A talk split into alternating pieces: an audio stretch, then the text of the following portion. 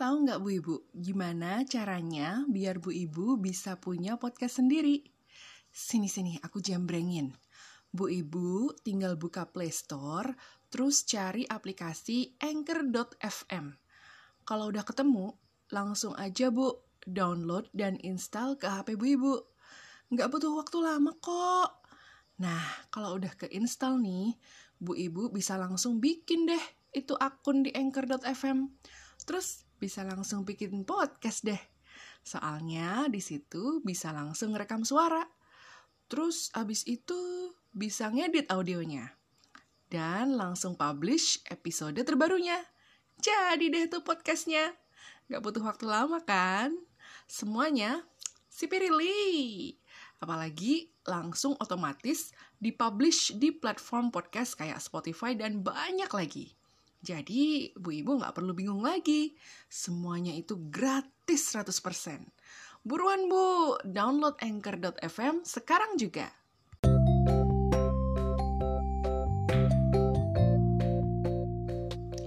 Welcome aboard Bu Ibu. Assalamualaikum warahmatullahi wabarakatuh. I'm glad to be back again right here on podcast Bu Ibu with me, Ibu Inung. How are you by the way? Mudah-mudahan Bu Ibu selalu dalam keadaan sehat, bugar, fit, dan tentunya makin cetar membahe nol ya, karena life is never flat. Buat Bu Ibu yang saat ini lagi dalam keadaan ya mungkin unwell gitu, lagi nggak enak body, sakit, lagi meriang, atau mungkin harus bed rest atas anjuran dokter, Aku doain mudah-mudahan segera pulih dan sehat kembali ya. Seger lagi dan aktif berkegiatan lagi. Yang namanya sakit tuh emang gak enak ya bu. Jadi gak bisa ina ini, ina inu gitu segala rupa yang biasa kita kerjain. Tapi mungkin ada hikmahnya juga. Uh, bu ibu jadi bisa istirahat, jadi bisa tahu bahwa memang badan dan pikiran bu ibu itu butuh rehat ya biar bisa ngecas lagi gitu biar energinya terbarukan ya nggak? Tapi ya bu ibu jangan nunggu sakit dulu ya kalau misalnya butuh istirahat. Kalau emang udah capek langsung aja deh take a break. Barang setengah jam aja kayaknya udah cukup ya. Apalagi sambil duduk selenderan atau selonjoran dan enjoy podcast episode kali ini.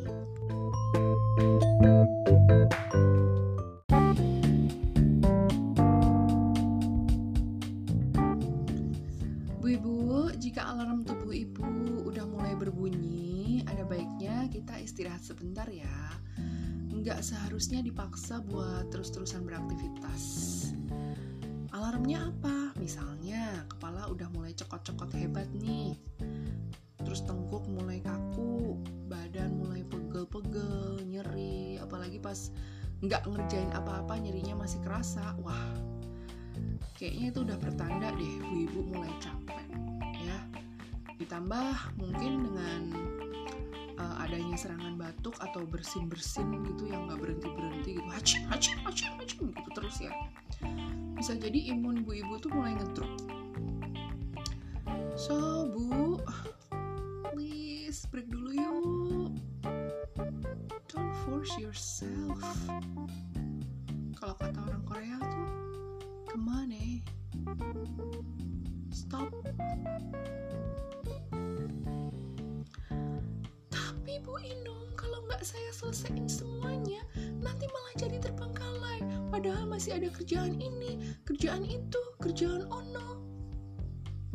Eh kalau bukan aku yang ngerjain semuanya terus siapa beberapa jawaban yang terlontar dari mulut bu ibu ketika diminta istirahat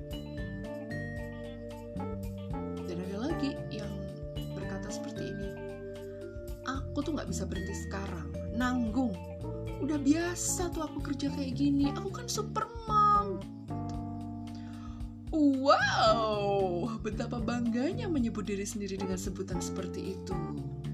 Super mom. Ibu juga pernah mendengar istilah itu ya. Super mom. Apakah ada hubungannya dengan Superman?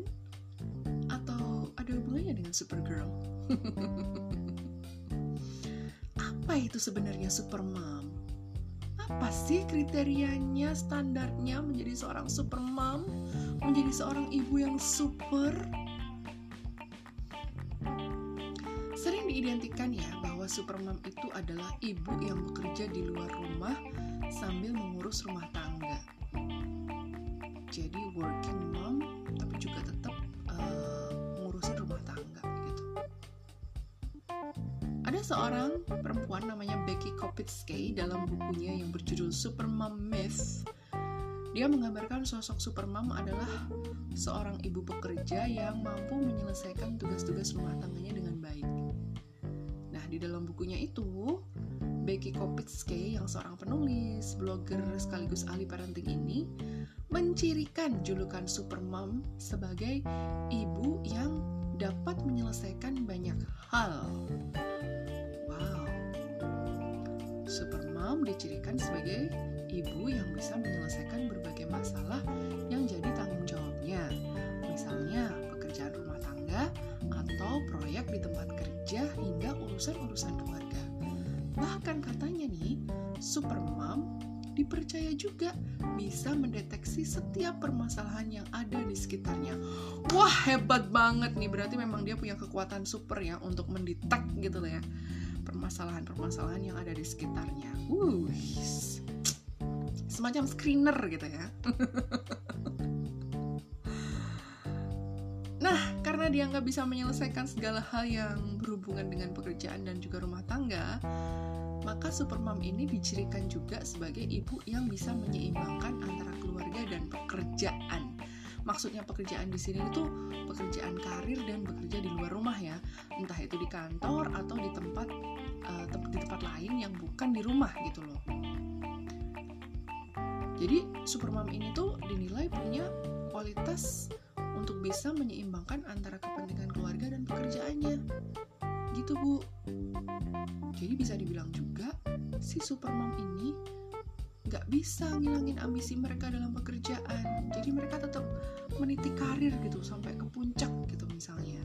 Tapi di satu sisi tetap mampu gitu menjadi ibu bagi anak-anaknya, mengasuh, mendidik kayak gitu. Dan dia bisa menjawab tantangan dan tanggung jawab seorang istri untuk suaminya. Jadi tetap ya bisa melayani suaminya dengan baik menyelesaikan tugas-tugas rumah tangga dengan oke okay, kayak gitu. Hebat banget nih supermom nih and then julukan supermom ini diberikan juga pada ibu yang bisa mempengaruhi masalah keluarga dan ngambil keputusan juga maksudnya tuh gini dia tuh uh, bisa memilah masalah-masalah mana dalam keluarga yang sekiranya butuh perhatian ekstra dan segera dicari solusinya gitu loh. Mana yang harus didahulukan uh, untuk dipenuhi kebutuhannya terus dia juga jadi cepat ngambil keputusan atas sesuatu gitu. Dan uh, keputusan-keputusan yang diambil itu dinilai sangat solutif dan sifatnya win-win solution gitu untuk seluruh untuk seluruh keluarga. Jadi ya singkatnya aja nih singkatnya nggak perlu nunggu si ayah si bapak buat ngambil keputusan. Kayak gitu. Keren banget ya ini. Oh satu lagi nih supermom ini juga dicirikan sebagai ibu yang tidak pesimis jadi, supermom ini itu selalu dalam keadaan optimis dan bisa kasih pengaruh yang optimis dan positif juga ke keluarga dan tempat dia bekerja. Oh, jadi seorang cheerleader gitu ya. Seorang supermom itu dinilai uh, dari kemampuannya untuk bertindak tegas juga dan mampu ngasih batasan-batasan. Misalnya bisa dengan tegas bilang tidak ke anak-anak. Hmm cuma ini sih aku kayaknya bisa juga ya jadi super mom ya cuma bilang enggak gitu nggak boleh gitu paling nggak itu tadi yang diungkapkan sama Mbak Becky Kopitsky dalam bukunya Supermom Myth tapi kira-kira Bu Ibu Apakah harus seperti itu untuk bisa dijuluki sebagai supermau? Apakah standarnya itu? Hmm.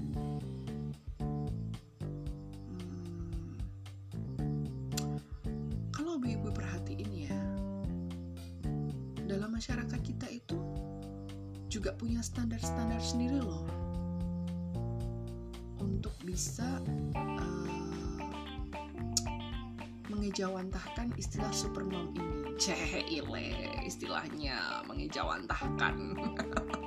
Berat amat bahasanya Bu Inung. Uh, di dalam masyarakat bahkan di medsos mana pun ya kayaknya masih banyak loh Eh, standar-standar yang dibikin untuk menyebut seseorang atau seorang ibu itu seorang yang super mom dan biasanya dikaitkan dengan uh, stigma masyarakat kayak gitu. Contoh gampangnya gini nih, contoh gampangnya. Stigma yang mengatakan kalau melahirkan secara seksio cesaria alias SC alias operasi sesar itu menurut masyarakat belum jadi ibu sepenuhnya, belum bisa disebut sebagai supermom. Kenapa? Ya karena nggak ada perjuangan menahan sakitnya kontraksi jelang persalinan. Nggak ngerasain kontraksi sebelum melahirkan itu ya berarti belum belum jadi supermom dong. Ada yang berpendapat seperti itu, menjadikan itu sebagai standar bahwa perjuangan melawan kontraksi sampai dengan akhirnya uh, apa namanya melahirkan secara pervaginam secara normal lewat jalan lahir itu adalah menjadi ibu sepenuhnya bagian jadi supermom lalu ada lagi yang bilang kalau supermom itu adalah ibu yang ngasih asi ke anaknya sampai 2 tahun terus rajin breast pumping punya stok asi yang melimpah karena dia dianggap berjuang sekuat tenaga biar anaknya nggak kekurangan asi gitu. Ini juga jadi standar di beberapa masyarakat tertentu.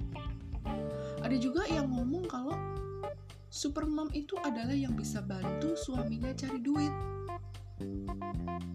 Jadi ikut kerja gitu dua-duanya adalah seorang pekerja gitu. Eh ada juga yang nyebut seorang ibu itu bisa disebut supermom kalau anak-anaknya semua nurut, pinter, gak pernah berulah, terus punya prestasi akademik yang berderet-deret, ranking satu terus, nilainya gak pernah dapet C, selalu A, B, A, B kayak gitu, pialanya banyak. Wow, ternyata beda-beda ya standar dari masyarakat untuk bisa menyebut seorang itu sebagai supermom. Tapi kalau menurut Bu Ibu sendiri, bener nggak ada seorang supermom itu? Lalu silakan Ibu sendiri. Apakah Bu Ibu sudah memenuhi kriteria atau ciri-ciri atau standar yang saya sebutin tadi? bener nggak sih supermom itu harus yang kayak disebutin tadi gimana menurut bu ibu hmm, kalau buat kepribadi standar tadi kurang mendalam ya hanya diukur dari melahirkan SC atau pervaginam alias normal lewat jalan lahir gitu. Kesannya kok arogan sekali ya mereka-mereka yang melahirkan secara pervagina menyebut dirinya supermom gitu. Menganggap yang SC itu nggak berjuang juga gitu loh. Well saya kebetulan SC sampai tiga kali uh, pervaginam sekali semua juga perjuangan loh. Ini kalau dilihatnya dari perjuangan nahan kontraksi atau enggak ya kan tadi di atas disebutnya kayaknya kayak gitu. Saya sedikit cerita ya saya SC tiga kali itu karena udah berjuang babu ibu pertama. Karena ketuban pecah 10 hari sebelum HPL tapi nggak ada pembukaan sama sekali. Terus yang kedua karena lewat HPL dua hari tapi ketuban udah bocor alus gitu. Status volumenya tuh udah berkurang. Jadi dua-duanya kenapa saya harus SC itu kondisinya membahayakan janin. Jadi harus SC dengan segera. Nah yang ketiga SC yang ketiga itu karena aku udah SC dua kali dan pernah normal per pervaginam sekali. Dan itu menjadikan aku sebagai seorang ibu hamil dengan risiko tinggi. Risiko tingginya apa? Dinding rahimnya udah tipis dan dikhawatirkan bisa robek kalau kontraksi hebat. Makanya disarankan buat SC. Kalau nggak SC dan ternyata aku maksa buat pervaginam, kontraksi hebat, lalu naudzubillah min dalik dinding, dinding rahimku sobek, lalu perdarahan hebat, kan bahaya buat nyawaku sendiri toh bu jadi kerja ekstra harus nanganin perdarahan aku dan harus segera ngeluarin janinku dari jalan lain. Ya toh ujung-ujungnya kan SC juga. Apalagi setelah SC itu bekas operasinya sangat nyeri. Masih ada risiko perdarahan juga dan sebagainya. Apakah masih kurang perjuanganku saat melahirkan bu? Ya. jadi jangan cuma dilihat bahwa SC ki males ngerasa kayak kontraksi. Bukan masalah itu.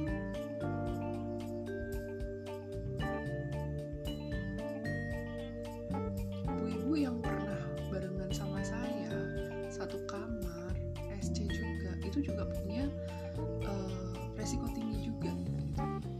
jadi bukan hanya sok-sokan aku mau ngelahirin di tanggal cantik. Yang biasanya dimajuin dari HPL supaya dapat tanggal cantik ngerasain kontraksi bukan cuma masalah itu gitu. Perjuangan kita tuh beda-beda bu. Setiap ibu tuh punya perjuangan yang beda-beda. Every mom has her own struggle right? Nah balik lagi ke supermom tadi dikatakan kalau supermom itu bisa disematkan pada ibu bekerja di luar rumah bisa nyelesain segala macam kerjaan rumah tangga. Ternyata eh ternyata setelah beberapa bu ibu aku tanyakan tentang hal ini, banyak yang gak setuju loh. Banyak yang gak setuju.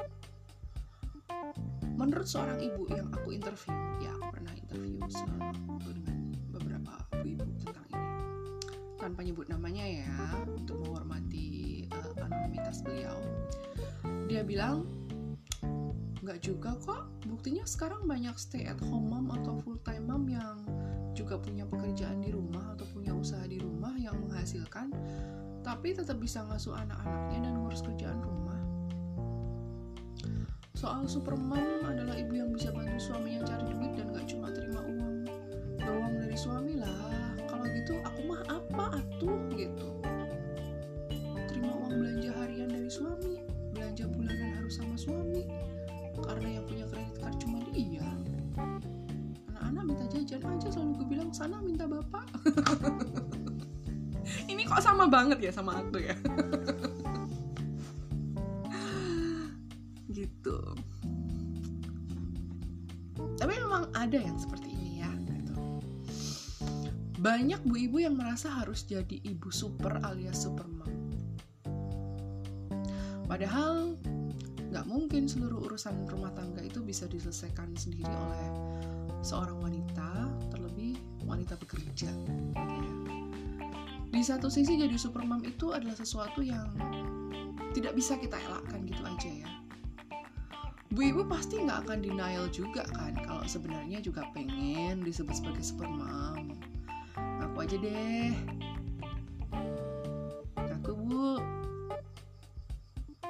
Disebut super mom sama aku juga. Tapi kriterianya apa gitu loh. Akhirnya jadi super mom itu dianggap sebagai sebuah kebutuhan yang harus dilakukan ketika berkeluarga. Maka dengan peran ganda yang disematkan dan mungkin juga dipikul ya jadi ibu, jadi istri, jadi menantu, jadi pegawai juga mau nggak mau seorang wanita itu dituntut menjadi supermom gitu. Tapi ada kalanya menjalani peran sebagai ibu dan pegawai kantoran sekaligus itu uh, bisa jadi chaos ya. Chaos bencana gitu ya. Ya nggak nggak sampai katastrofi gitu sih. Chaos aja ada nih seorang temenku yang uh, seorang working mom itu juga pernah ngasih curhat ke aku atau nggak tahu ini ngasih curhat atau malah testimoni kali ya. Jadi gini katanya jujur ya aku tuh sering banget ngasih anakku gadget biar dia tuh nggak tantrum. Karena ya aku udah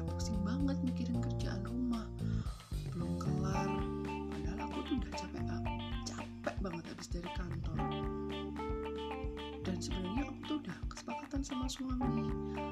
Kalau screen time itu buat anak-anak itu cuma buat pas weekend doang tapi ya aku gimana biar bisa kerjaanku segera selesai di rumah itu numpuk-numpuk. Jadi anakku biar diem gak kasih gadget aja gitu. Ada juga yang bilang seperti ini bu. Ah udah capek kerja masih harus nyuapin makan anak. Eh anakku malah GTM gak mau makan masakanku. Ya akhirnya aku kasih dia permen kasih dia snack-snack micin-micin gitu deh biar ada yang masuk ke mulut sama perutnya biar dia nggak kelaparan gitu.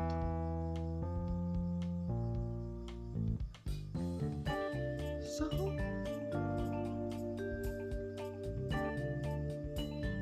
Masih perlu jadi supermom. Menjadi supermom untuk sebagian ibu-ibu itu dinilai perlu. Bahkan perlu sekali untuk sebagian ibu-ibu lah ya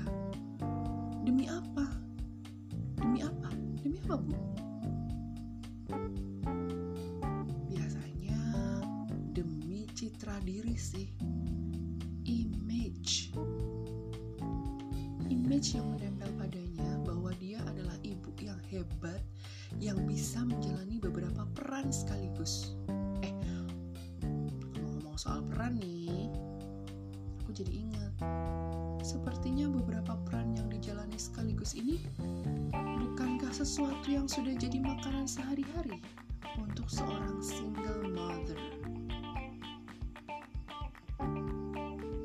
Aku rasa seorang single mother atau single mom yang harus bekerja di luar dan mengurus rumah dan anaknya sendiri itu udah bisa dibilang ibu hebat loh part of supermom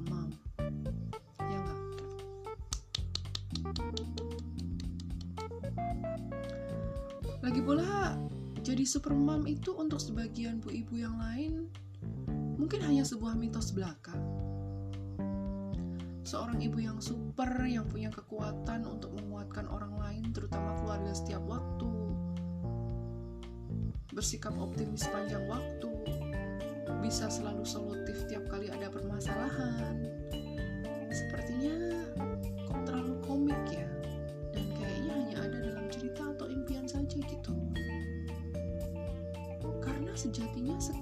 Seorang ibu, pasti ada sisi capeknya. Tetap ada sisi lemahnya. Ada sisi pengen dibantuin misalnya kita para bu-ibu ini selalu hidup dalam standar-standar kesupermaman yang dibuat oleh siapa kita nggak tahu pastinya bukannya itu malah nyusahin diri sendiri ya nggak sih? Hidup dalam standar-standar yang yang bikin siapa gitu dan kita mengikuti itu. Nyusahin diri sendiri nggak sih?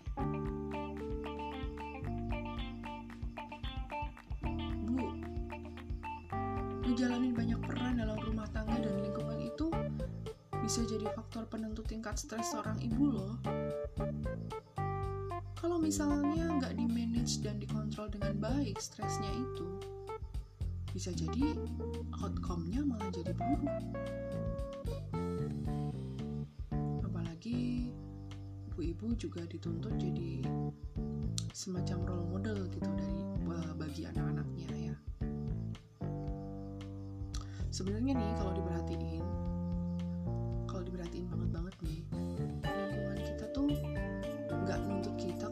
jadi supermom justru kita sendiri yang menuntut diri kita jadi supermom dari cara berpikir kita dari idealisme kita dari perilaku kita dari cara kita menghadapi situasi dan permasalahan yang ada. Secara nggak sadar sendiri kan untuk jadi super mom gitu loh. Padahal kita harus bikin prioritas misalnya kalau kita dipekerjakan jadi karyawan karena kompetensi kita ya kerjakan aja apa yang jadi kompetensi kita. Jangan ngerjain di luar kompetensi kita. Especially buat working mom nih. Tanyakan lagi tujuannya bekerja buat apa? Kita kerja untuk siapa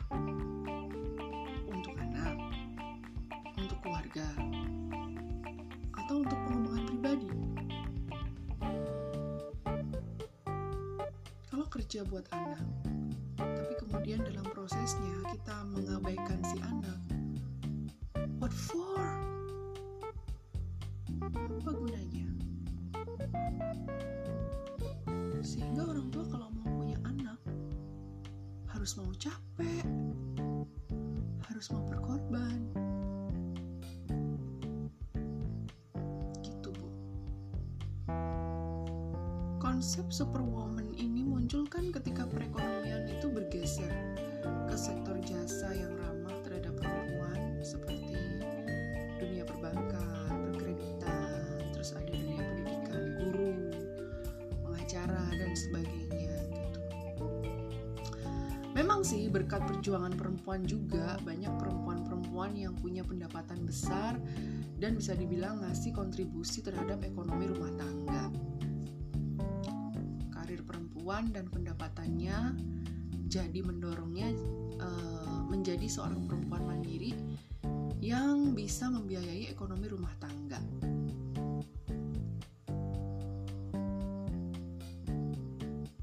Sebagai padanannya, kalau perempuan karir sukses, berperan sebagai ibu dan punya kontribusi besar dalam rumah tangga, khususnya dalam mengambil keputusan-keputusan penting di rumah tangga, maka mereka juga mendapat predikat super mom. Kira-kira begitu ya.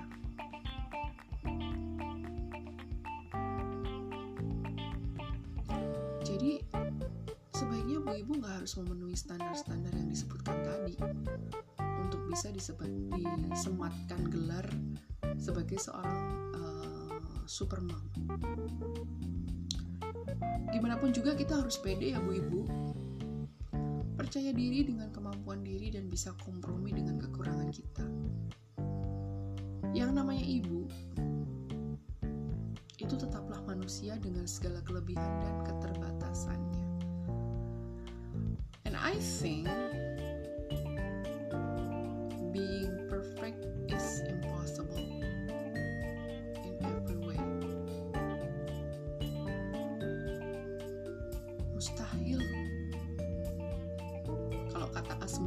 Asmuni Sri Mulat itu hil yang mustahil. Tapi yang mungkin adalah berusaha melakukan yang terbaik. Do your best. Jangan sampai standar-standar super mom yang ada yang dibikin orang-orang kita nggak tahu siapa itu malah bikin kita itu nggak bahagia ya bu ya bikin kita uring-uringan bikin kita capek mikirin omongan orang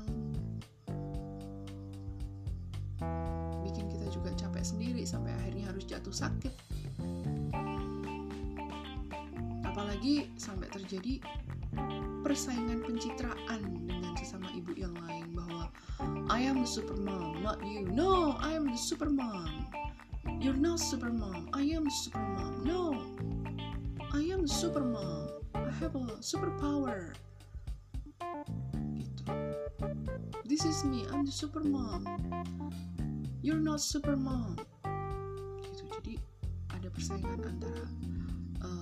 yang lain gitu.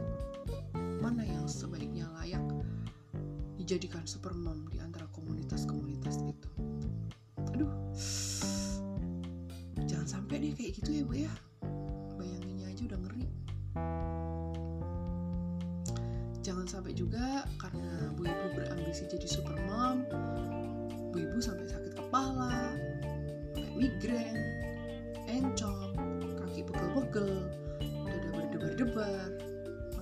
berkunang-kunang, batuk nggak habis-habis, akhirnya tepar di infus. Kan malah nggak jadi keluar kekuatan supernya, ya kan? nggak bisa ngapa-ngapain sih semoga cepat pulih dan segar lagi ya bu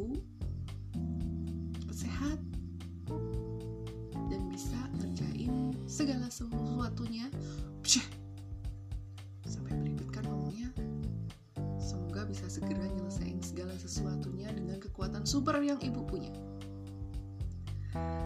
Thank you for having me here. Jangan lupa bintangin podcast ini ya.